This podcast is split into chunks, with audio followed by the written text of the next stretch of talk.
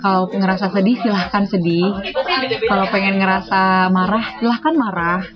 Tidak apa-apa. Menurutku itu hal yang sangat manusiawi. Itu tidak salah ketika kalian ngerasa marah sedih kesel dongkol. Tapi ingat lagi jangan lama-lama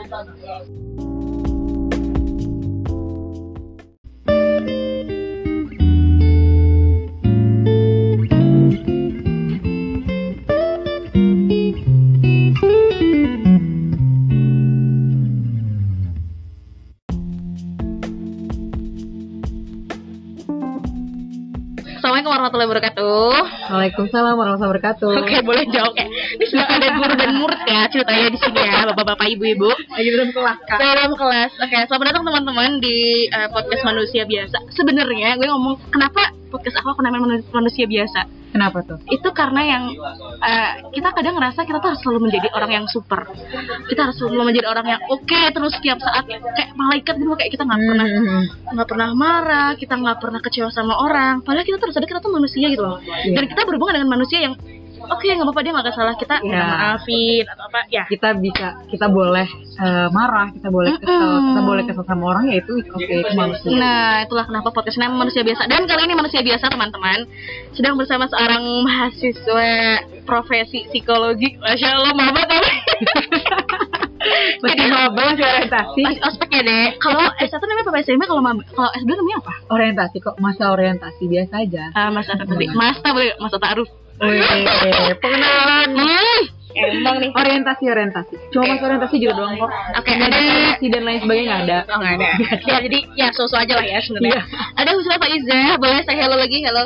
halo semuanya teman-teman manusia biasa eh, ini apa eh, nyapanya Ya teman-teman manusia Teman-teman biasa. manusia biasa. Bagus, aku belum punya sapaan ini terus. iya kan kalau di radio-radio kan bisa punya sapaan Nah, tuh sahabat, eh, eh, apa namanya sahabat dengar kayak gitu. Iya. Ini kita teman-teman manusia biasa. Buat sekali buat ingetin kalau ya udahlah kita tuh manusia lah bukan dewa. iya benar Bener banget ya sih. Nah karena eh, kemarin habis sedikit review ya mungkin teman-teman yang udah dengerin di episode 2 ada sedikit masih sedikit banget review dari buku The Art of Dealing with People seni membina hubungan untuk meraih sukses dan bahagia Hmm, di sini tapi setelah baca buku ini nak hmm. kayak aku ngerasa kok kayak jadi kita tuh harus selalu mengalahkan ego kita untuk orang lain gitu loh. karena di sini dia bilang kayak yang ada salah satu kutipan ya Hmm, dia bilang kita harus tahu kapan mengoreksi orang lain. Hmm. apakah akan menghasilkan sebuah perbedaan yang nyata kalau mereka benar dan kita salah? Hmm, oke. kayak yang oke nggak apa-apa kamu mengakui kamu salah dan mereka benar kayak gitu loh. Oh, oke oke oke. tapi kamu di sini dia bilang kayak aku jadi ngerasa kok kayak gue harus ngalah terus sih masa ya? Kayak gitu. Hmm, itu gimana sih eh aku rangkum sedikit ya. Mhm. Hmm, benar nggak sih kata-kata kata-kata di buku tersebut yang bilang eh ya udahlah kita biar aja ego orang lain yang menang yang menang daripada ego kita sendiri. Pada akhirnya kamu punya kesimpulan "Ya udahlah aku ngal oh berarti aku harus ngalah terus nih kalau terhadap situasi apa pun kayak gitu. iya Hmm, mungkin kita lihat dulu sih situasi dan kondisi itu seperti apa. Mhm. apa indikatornya berarti Eh, eh, misalkan situasi kondisinya itu seperti apa orangnya yang kita ajak bicara itu dia kepribadiannya kayak gimana kadang kan kita bisa skimming dikit lah ya oh ini orangnya kayaknya banyak ngomong nih oh ini Hmm. orangnya pendiam nih kita kan bisa lah setidaknya kalau kita sering berinteraksi sama orang kita akan tahu nih oh orang ini kayaknya bisa nih diajak ngobrol oh orangnya bisa nih kayak gini-gini nah mungkin eh, fase-fase itu adalah fase di mana itu sudah berada di puncak kali ya. Eh, mungkin kita udah udah sering berinteraksi sama dia, Mhm. udah sering eh, berdinamika sama dia, udah sering ngelakuin sesuatu hal baru sama dia yang pada akhirnya di suatu titik daripada aku kenapa-napa daripada aku yang gimana-gimana udahlah aku ngalah aja Mhm. Gitu. mungkin maksud buku itu adalah di, di di level kamu itu udah paham paham di si orang itu kayak gimana Oke. kondisi kamu juga seperti apa kondisi dia gimana daripada kamu yang menuhin ego kamu dan malah nanti misalkan menciptakan hubungan tidak baik Mhm. malah ngebuat kamu jadi kenapa-napa jadi malah kepikiran aduh jadi musuhan sama temen dan lain sebagainya udahlah ya udahlah aku yang ngalah aja mungkin lebih di tepatnya levelnya seperti itu sih Oh, bukan jadi- berarti kita harus ngalah terus Mm-mm. gitu Tapi kita ngalah karena kita tahu oh dia adalah orang yang butuh selalu dimenangkan dan itu bisa nggak kayak gitu kita katakan? Hmm, kalau selalu dimenangkan tuh mungkin itu lebih kepada nanti pola jatuhnya ke pola komunikasi sih Pola komunikasi. Iya, pola komunikasi kan nanti ada ya kita kan berinteraksi sama orang juga ada tipe-tipe pola komunikasinya ada pasif, Mm-mm. dari komunikasi pasif, komunikasi pasif agresif, komunikasi asertif, kayak gitu kan nanti bisa kita bisa kita lihat lagi nih orangnya tipenya kayak gimana, apakah dia tipe orang yang kalau diomongin bisa atau dia Mm-mm. tipe orang yang ternyata nggak bisa nerima pendapat orang lain Heeh. atau bahkan dia itu nggak bisa nih nerima kalau misalkan udah udah dibaiki lebih sopanin kayak gitu atau nanti tergantung kondisi si orang itu kan kalau di psikologi kita mengenal dengan individual differences jadi kita sebenarnya mungkin di sini eh, di buku tersebut itu lebih Mhm. mengajarkan kepada eh, di level di titik orang tuh udah daripada kamu kenapa-napa Mhm. daripada kamu kamu malah bermasalah Nah, iya bener banget. So di sini lanjutannya Hmm, gimana tuh karena dia bilang dampak negatif yang akan tercipta akan jauh lebih hebat daripada sekedar memenangkan ego kecilnya Hmm, orang lain. Tuh kan daripada misalkan daripada nih kamu yang kenapa-napa daripada besok kamu yang bermasalah daripada kamu yang nanti sama dia dimusuhin Nah, berkerutan benar dan lain benar. Sampai sebagainya. disantet gitu kali. Iya mungkin kan itu kan jadi itu bisa jadi kan bisa jadi kan hubungan gak baik pakai apa eh, besi ditambah besi plak plak masih makin ini makin terus terusan bak bak bak bak. Nah daripada hal baku hantam Mm-mm. udah mendingan kita ya udahlah terserah kamu. Kayak gitu. Mendingan menurutku kamu tahu kamu juga harus tahu kondisi sih di mana eh, kamu tuh tahu kondisi oh ini udah nih udah nggak bisa daripada aku kenapa-napa daripada dari daripada daripada banyak banyak hal yang daripada daripada gue gini gini gini Resiko yang lebih besar ya. Ya, daripada resiko yang akan kamu alami dengan menginginkan ego dia itu lebih berbahaya, mendingan eh, udahlah ngalah aja toh juga aku gak rugi. Ya, Mungkin di, di buku itu bermaksud bilang kayak gitu. Oke, berarti langkah pertama sebenarnya ketika kita berhubungan dengan dengan orang tuh Hmm. yang harus kita kenal itu kita lagi berkomunikasi ataupun kita lagi menjalin hubungan sama siapa. Itu Iya. penting banget. Karena setiap orang bisa dilakukan berbeda tentunya. Iya benar. Kan kamu tuh perlu beda-beda banget. Orang tuh beda-beda-beda banget ya. Itu psikologi individual differences. Tiap orang tuh beda. Beda karakter, beda sifat, beda kepribadian, beda latar belakang. Ini semua orang tuh beda. Gak ada manusia yang semua sama tuh gak ada. Mungkin lebih kepada kecenderungan. Mungkin jadinya kalau kita dengar ya. Jadi kecenderungannya extrovert, kecenderungannya introvert.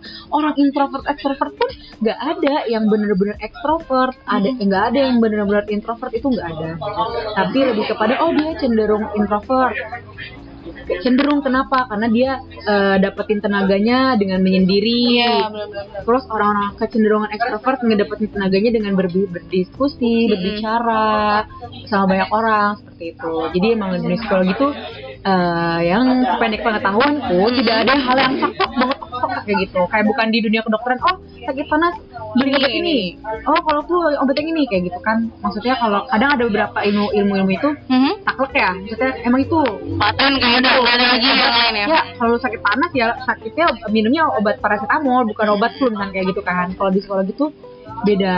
Nggak bisa satu satu pendekatan misalkan eh, misalkan dia masalahnya apa dia masalahnya apa. Itu kan pasti beda pendekatan beda.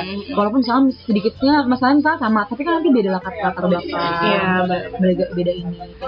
Oke. Tapi gue jadi mikir kayak yang eh, kemampuan orang untuk bisa mengidentifikasi tadi individual differences itu apakah membutuhkan ilmu kayak yang bisa kayak gitu cuma masih psikologi atau sebenarnya kita semua bisa belajar itu kan? eh bisa belajar lah itu kan itu kan sebenarnya ilmu sosial ya Mm-mm. ilmu pengetahuan itu skill Skill, oke itu adalah skill. itu skill menurutku ya skill yang diasah eh, mungkin dari kecil Mm-mm. sejak dini karena eh, bertemu karena kita tuh makhluk yang nggak bisa hidup sendirian Hmm. manusia itu makhluk sosial Mm-mm. kita pasti butuh bantuan orang lain kita pasti berko apa berkomunikasi sama orang lain kerja sama sama orang lain kita hidup juga ada di dunia ini juga dengan nggak sendiri langsung pling langsung ada Nah, enggak benar-benar. itu skill sih skill yang apa maksudnya yang harus diasah Dengan cara apa tuh biasanya? Apakah kita harus ke gue kadang pernah mikir kayak coba deh nyediain waktu semalam buat ngelis orang siapa aja yang lo kenal, coba lo identifikasi karakternya. itu bisa Ah, apa? Mm. cara orang mungkin beda-beda ya Fi. Mm-mm. tapi sepengetahuanku mungkin or, ah, bukan mahasiswa anak psikologi doang bisa mungkin anak psikologi kenapa terlihat lebih bisa itu karena mungkin kan kita dipaparkan sama kasus Mm-mm. dipaparkan emang harus ketemu sama orang harus ketemu klien klien Ah. klien klien akhirnya kita banyak berdinamika sama orang banyak Aha. ketemu sama orang banyak ber- ah, banyak berkomunikasi sama orang pada akhirnya kita jadi eh, lumayan membaca lah perilaku manusia itu seperti ini. kita gitu. memperhatikan polanya Iya. sebenarnya memetakan Ah, mungkin kalau misalkan itu saranku mungkin banyak banyak banyak bersosialisasi, banyak ketemu sama orang. Mungkin nih ada yang nggak suka sama eh, sama berso, ah nggak suka mbak tempat-tempat rame. Oh ya udah nggak apa-apa. Mungkin cari yang lain dengan bercengkrama lewat virtual kan bisa. oh. Tapi bisa nanti ketemuan atau kayak gimana. Jadi setiap orang tuh beda-beda sih. Jadi nggak ada cara yang takluk banget kalau menurutku untuk tahu nih gimana dia orangnya, gimana sih ini. Tapi mungkin cara paling ampuh adalah banyak berinteraksi sama orang. banyak perintah sama orangnya Iya. oke Eh, karena kadang kita ngerasa kita malah menjauhi orang-orang yang bagi kita ber- terlalu berbeda karena kita ngerasa gue nggak cocok sama dia tapi itu tetap harus dijaga ya maksudnya berbe- berteman dengan orang yang berbeda Uh, ber- aku uh, selama ini perbedaan itu pasti ada. Tiap manusia pasti berbeda. Kita nggak Apalagi kita ngerasain tinggal sama sama ya sama orang ya Allah. Iya, 30 orang.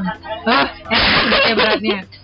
Menurutku nggak mungkin kita itu itu adalah sesuatu hal sifat orang, keberbedaan orang itu itu sesuatu hal yang kita nggak bisa kontrol. kita tidak bisa mengubah orang lain sebenarnya. Iya, kita kita kita nggak punya tugas untuk mengubah orang lain sesuai kita. ya benar. Kita nggak punya tugas juga untuk kayak lo harus ikutin gue.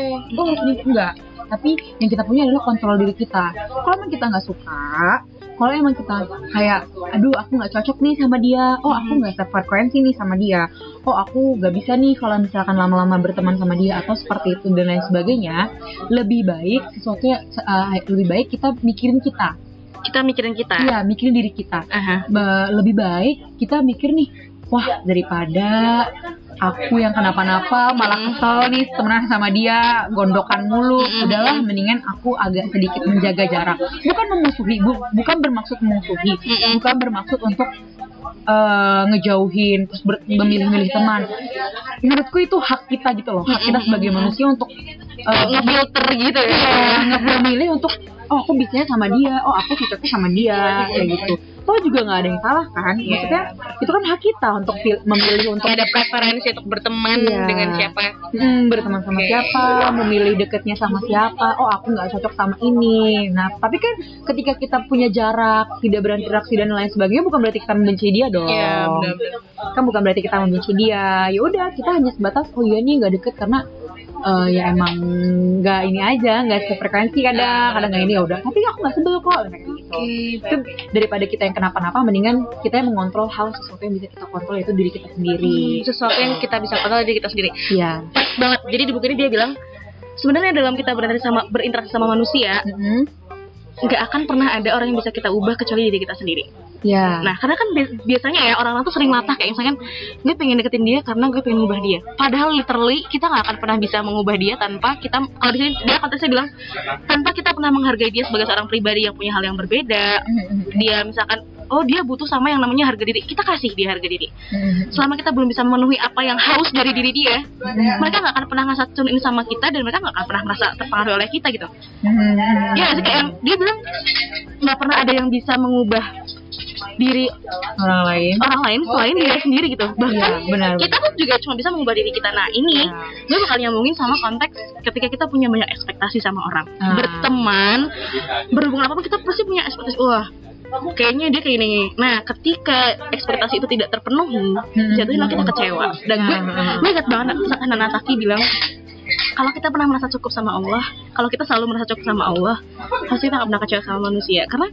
manusia baik pun bisa mengecewakan kita karena Ya, dia baik benar, tapi dia memiliki keterbatasan untuk Ya. tidak memenuhi semua permintaan kita itu gimana ya menurut lo? Eh, sesuatu hal itu yang bisa kita kontrol cuma diri kita sendiri. Mhm. Sebenarnya aku setuju dan setuju banget dengan konsep kamu bilang manusia biasa. Kita tuh bukan malaikat, kita kita bukan orang yang sempurna dan sebagainya karena kita bukan kita bukan manusia excellent, kita bukan manusia oke banget karena aku pernah dengan dengar namanya Ustadz Nauman Ali Khan, beliau bilang kalau kita udah jadi yang terbaik, kita pasti akan lebih pengen yang terbaik lagi. Iya. Kita pengen jadi yang terbaik, kita akan pengen pengen pengen jadi yang terbaik lagi. Pengen kaya, abis kaya mau kaya lagi, abis kaya lagi kaya kaya kaya kaya. Kaya pernah lagi. puas. Iya, nggak akan pernah puas. Oke, kita dipanggil. Terus ya maksudnya menurutku eh, apa ya berarti kan itu era konsep maksudnya aku seneng banget dengan konsep manusia biasanya kita- tadi benar kita tuh manusia kita tuh eh, apa ya kita tuh nggak akan pernah mencapai kan pengen bahagia bahagia itu apa sih kalau ukur bahagia orang kan beda-beda Iya ya benar. kan nah pada akhirnya kan Ada yang duit, akhirnya- ada yang jumlah teman. Iya, benar. De- jumlah follower. definisi orang kan bahagia beda-beda. Ada yang saat aku keliling naik motor aja udah bahagia, ada yang beli cilok udah bahagia, atau Iya. beli apa udah bahagia. Jadi kan bahagianya orang kan beda-beda. Menurutku sesuatu yang bisa dikontrol itu ya kita respon kita misalkan. Hmm. Yang tadi misalkan kamu bilang eh, kata kata Nataki kita bisa kecewa sama orang yang Orang baik sekali Iya, orang baik sekali. Dia bisa mengecewakan kita. Iya, karena ya itu kan berarti kita harus kontrol kita dong. Berarti kan itu diri, diri Pikiran kita dan diri kita iya, yang harus kita kontrol. berarti ya. harus mengelola pikiran kita, mengelola hati kita, gimana Kayak caranya? tren mindful gak sih? Lo sering denger ya? Kayak uh, eating mindful. oh, Iya, gitu-gitu. mindfulness itu kan berarti kamu hadir di situ, hadir di Uh-uh. sini, ada di situ, jadi kamu menikmati makanmu. Kayak maksudnya kamu hadir di situ, hadir Hmm. pokoknya hadir penuh, hadir penuh bahwa kamu tuh sedang di situ. Hmm. Here and now gitu. Berarti kamu ada di situ, ya udah kamu sepenuhnya di situ gitu. Bahkan ketika kamu marah, kamu sadar gue lagi marah, tapi harus gimana? Iya ya? benar benar. Eh, belajar mindfulness tuh emang belajar. Oh ya aku lagi kesel, oh ya aku lagi capek. Kayak gitu kamu menyadari hal-hal kecil aja, hal kecil bahkan eh, aku pernah belajar eh, mindfulness itu kayak kamu diam, ada apa yang sekarang kamu rasain, angin masuk ke daun tinggi itu aja hal-hal kecil itu tuh eh, apa? Kamu Melatih belajar ya. itu harus dilatih. Kayak Hmm. hal kecil itu aja kamu belajar gitu. Termasuk tadi kecewa sama orang, kita harus menyadari Iya, karena kalau akhirnya tentang kontrol diri itu kan tentang bagaimana mengelola hati, mengelola pikiran untuk ya udahlah kayak gitu ibaratnya bukan ya udahlah sih seperti ibarat uh, apa ya emang emang itu masih PR banget sih aku pun masih belajar banget untuk caranya mengelola hati mengelola pikiran itu kan kontrol diri kan. Yang sesuatu hal yang bisa kita kontrol kan cuma kita doang. Mhm. akhirnya kita, kita harus belajar tuh antaranya. Misalkan untuk belajar tidak kecewa. Tidak kecewa makanya kita harus ngapain? Oh pantesan aku kecewa. Orang aku berharapnya sama dia. Oh dia juga manusia. Oh aku salah nih. Berarti kena- kenapa aku harus berharap sama manusia? Kenapa aku nggak belajar berharap sama Allah? Allah yang lebih besar misalkan dari ceramah yang Ustaz Hanan Ataki Iya benar-benar. gitu. Jadi mungkin lebih kepada menyadari dulu sih. Menyadari dulu oh ini sesuatu hal yang nggak bisa aku kontrol. Oke kalau kayak gitu kalau daripada aku nggak bisa kontrol ini berarti apa yang harus bisa aku kontrol? Oh, oh perasaanku. Hmm, oh aku harus mengelola dari diriku dulu nih. Hmm. oh, aku harus men- mencintai diriku terlebih dahulu. Misalkan tadi gak ada yang bisa mengontrol orang lain selain eh apa gimana tadi Nggak ada bahasanya yang bisa mengubah orang lain selain ya orang itu orang sendiri, kita sendiri gitu. ya kan? Ya berarti kan kita sebelum kita mengubah orang lain kita ngubah diri kita sendiri dong. Iya benar. ya kan? Mm-mm. kita ngubah kita dulu dulu eh, kita kita dulu dong kayak apa nih? Kita kenapa nih? Kita udah mencintai diri kita belum? Kita udah udah menerima segala kelebihan dan kekurangan Kita sendiri. kita belum. Mm, itu kan hal-hal basic tapi itu nggak semudah itu untuk melewati itu. Jangan kan uh, untuk mema- memaafkan ataupun mengiyakan ya. Sadar aja susah cuy. Iya, sih? nah, awareness kayak gitu kan harus ditumbuhkan. Sadar nggak nih? Eh sadar nggak sadar kayak gitu kan? Iya. Makanya emang kesehatan mental di Indonesia terkait hal kayak gitu emang masih minim banget. Jadi kayak sebenarnya tuh orang yang terlalu over confidence buruk, orang yang terlalu nggak percaya kalau dia bisa ngapa-ngapa tuh juga buruk ya. Harus ada moderate dit. Iya, iya emang. Hmm, kalau kayak gitu sebenarnya harus ada kalau di psikologi ada yang namanya zona ZPD. ZPD apa Iya. tuh? Kayak misalnya nih, aku pengetahuanku masih di sini. Aha. Aku pengen mencapai pengetahuan di atas sini. Mm-mm. Jadi aku butuh fasilitator, butuh orang yang paham untuk mengisi zona ini. Hmm. Nah, untuk mencapai posisi Mencapai. pengetahuan di atas itu. Mm-mm. Jadi makanya sebenarnya kalau kayak gitu mungkin dia harus punya mentor, harus punya orang yang lebih tua untuk ngasih tahu, nasihatin. Oh. Makanya peran orang tua, support lingkungan yang baik untuk untuk merespon sesuatu yang gak enak misalkan dari luar. Mm. Atau tadi ada misalkan balik lagi misalkan kita tentang ngomongin ego orang lain ya kadang mungkin kita sebel ya Ah. mungkin ceritaku dulu aku pernah bilang ke ibu aku ini aku sebel banget deh masa dia pamer sepatunya Mm-mm. bagus eh, apa pamer harga kan harusnya nggak usah ya nih terus kata ibu aku loh ya mungkin dia senang bisa punya sepatu itu. Iya, ya nggak apa-apa. Kan berarti mungkin dia hadiah. Mungkin dia sudah mencapai satu usaha yang iya, buat dia nah mungkin kita mendapatkan nggak tahu ya. kan. di Iya, sana akhirnya kan itu belajar untuk oh oh gitu ya. Jadi apa ya tetap ada misalkan lingkungan yang ngedukung apa ngedukung statement kamu. Eh, terus kayak misalkan ya dibilang dibilangin enggak lah jangan sebel dong. Kan dia mungkin makanya dia seneng banget dikasih kado itu sama ayahnya. Makanya dia ngebilangin ke Una kayak gitu. Itu sebenarnya mendorong kita untuk selalu mengutamakan husnuzon dulu gak sih kayak Iya. kayak yang Iya, kita nggak boleh ngejudge di depan tapi kita harus tahu ya positif. di balik kenapa sih dia ngapain Iya, kayak gitu. Makanya itu yang ngebuat aku nggak bisa ngebenci orang lain maksudnya aku berusaha belajar untuk tidak tidak tidak pernah ngejudge orang lain Mhm. tidak membenci orang lain karena menurutku kita nggak pernah tahu dia itu dia itu kenapa di baliknya dia itu kenapa? Ada apa masalahnya? Mungkin dia punya masalah banyak. Dia mungkin punya beban hidup yang berat lebih berat dibanding kita. Mungkin dia belum seberuntung kita. Iya, kayak gitu. maka pada akhirnya itu ngebuat aku untuk ah, mau ngapain sih? Ng- ngapain sih ngebenci orang? Nebar-nebar kebencian tuh nggak ada Iya, gunanya. daripada kitanya capek. Uh. daripada buang-buang itu waktu capek banget tenaga. kita Iya. banyak kecewa sama orang. Sebenarnya tuh tapi karena pikiran sendiri pikiran kita sendiri yang salah. Hmm, ya hmm. kayak manusia biasa udah 17 19 menit nggak kerasa. Kan? Wow. tapi itu baru satu bukan bahkan belum satu chapter. Nah ini baru satu poin. Tapi tenang karena tugas mereview ini masih panjang. Aku berencana membuat ini ya minimal 5 seri lah dengan beberapa part yang akan kita bagi. Mungkin kali ini sesinya sama Una. Una pesan untuk manusia biasa di luar sana.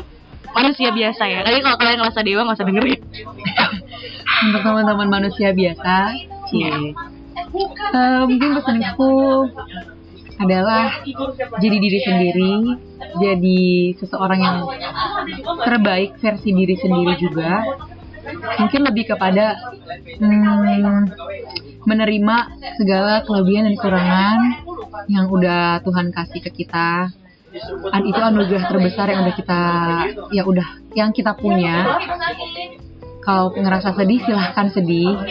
Kalau pengen ngerasa marah silahkan marah tidak apa-apa menurutku itu hal yang sangat manusiawi itu tidak salah ketika kalian ngerasa marah sedih kesel dongkol tapi ingat lagi jangan lama-lama suara semua orang menunggu keceriaan kalian lagi bahagia. Oke, terima kasih. Selamat bahagia manusia biasa. Ingat kita manusia biasa bukan dewa. Jadi, jadi aja manusia biasa.